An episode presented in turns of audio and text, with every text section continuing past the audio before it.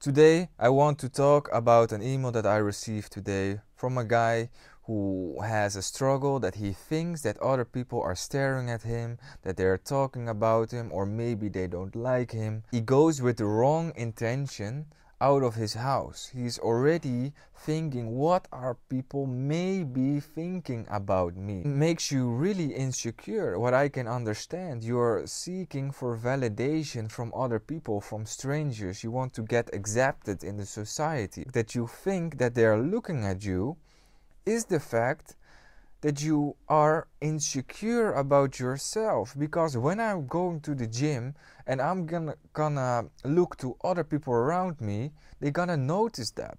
When he is in a club he feels like girls don't like him. Girls maybe think he is an idiot for example. Here it already goes wrong.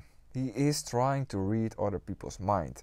And the fact that you are in the nightclub seeking for validation to look to other people it shows that you are insecure and that you are not having fun, that you need other people to having fun. But girls already notice that when you walk on in the club for the first time. They already see that you are looking for acceptation, uh, a turn off, because a girl loves a confident man who already accept themselves.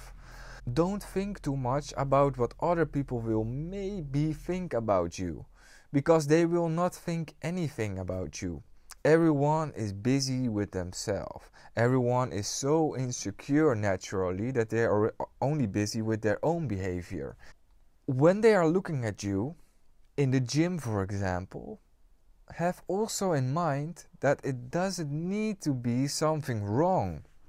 It can be even a compliment.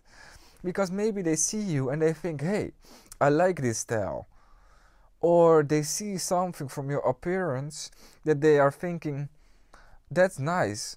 Maybe they learn of your behavior so it doesn't mean it needs to be something wrong if they talk about you. If they talk about behind your back it means that your life is even more interesting. You have something that they don't have. You are not in the gym for someone else you don't even have time to look around. You, need, you are there to build your muscles. And don't try to read other people's mind, what they may be thinking about you. Because the fact that you already saw that they are looking at you means that you are already insecure. They see that you are looking for validation. And that's the reason why they're looking at you accept yourself. This is the first step. When you leave the house, you already have the mindset like, I don't care what other people think about me. This is me. I'm already good enough. And I don't need validation from strangers. Because validation is like money. You never have enough. It makes you unhappy and insecure. So accept yourself, focus on yourself. When you walk onto the street, don't look to other people. You don't need them for your acceptation. You're seeking for validation. Who cares what other people think about you?